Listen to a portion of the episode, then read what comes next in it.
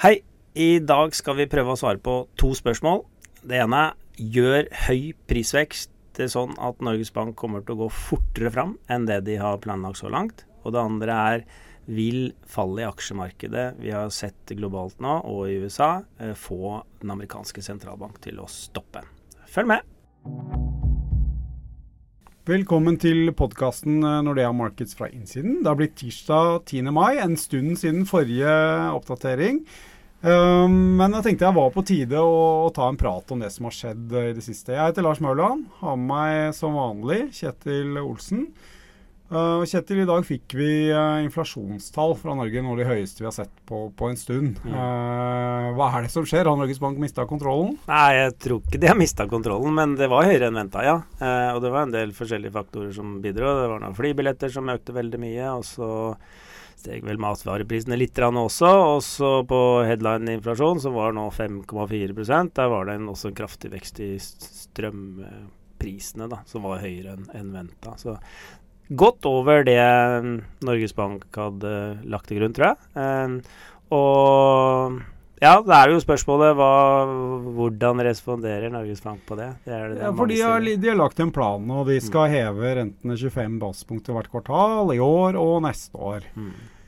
Og markedet tviler litt, sier at her må Norges Bank gå litt fortere frem. Eh, mest sannsynlig ganske inspirert av den amerikanske sentralbanken, som eh, skal heve renten dobbelt så fort og vel så det som, som Norges Bank eh, mm. i år. Er det risiko her for at Norges Bank nå må stramme til litt raskere enn de har signalisert? Jeg tror ikke det, pga. de pristallene. Altså, de har vært veldig tydelige, eh, og, og, også i, i mars så, så var det med å åpne på at de, de, det er greit at prisveksten, inflasjonen, blir litt høyere enn målet en periode, så lenge de er liksom trygge på at det etter hvert kommer ned igjen.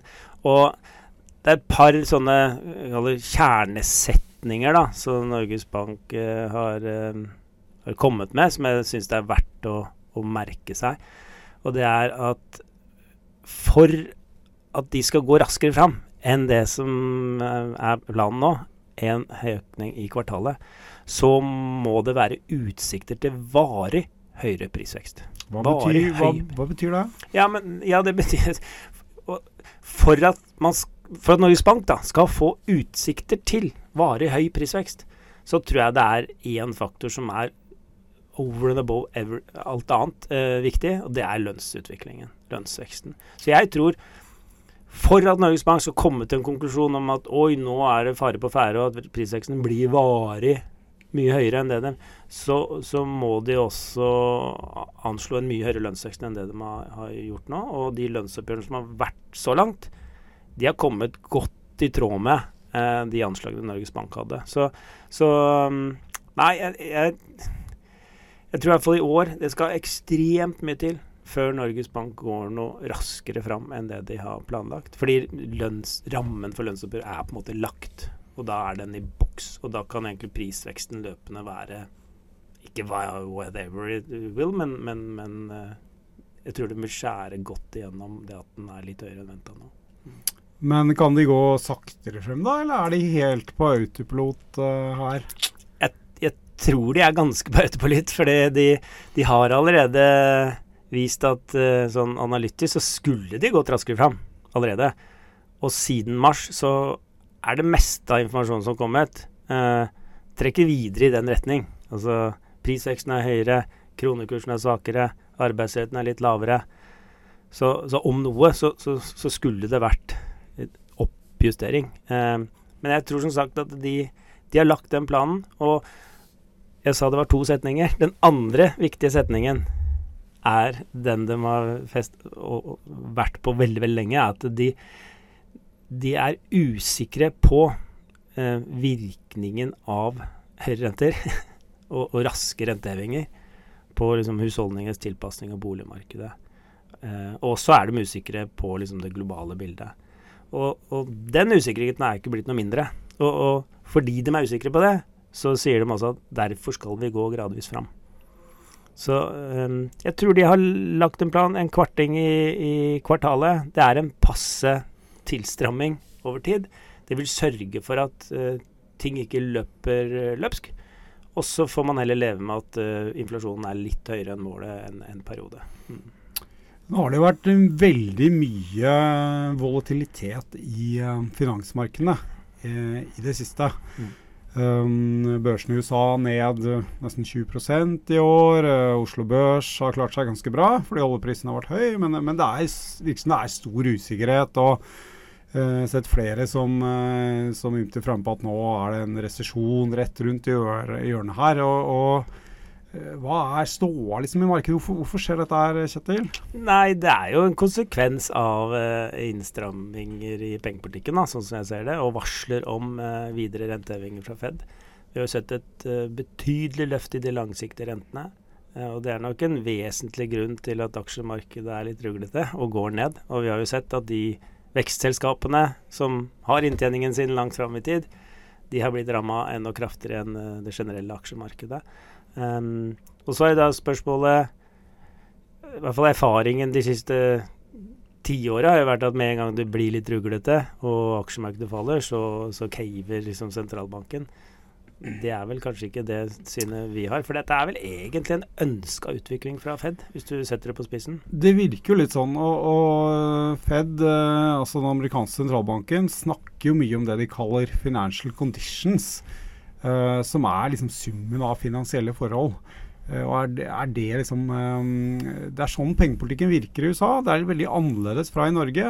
Når Norges Bank setter opp renta, så, så, går det noen uker, og så har alle egentlig fått høyere lånekost. Mens, mens i USA så låner alle på fastrente stort sett. Tre fjerdedeler av privat sektor låner, låner på fastrente. og da betyr det ikke så veldig mye hva sentralbanken gjør med den flytende renta, som, på kort sikt. Det må gi, virke gjennom andre kanaler, og da den viktigste kanalen er da lange renter, som du sa, Kjetil, har steget mye.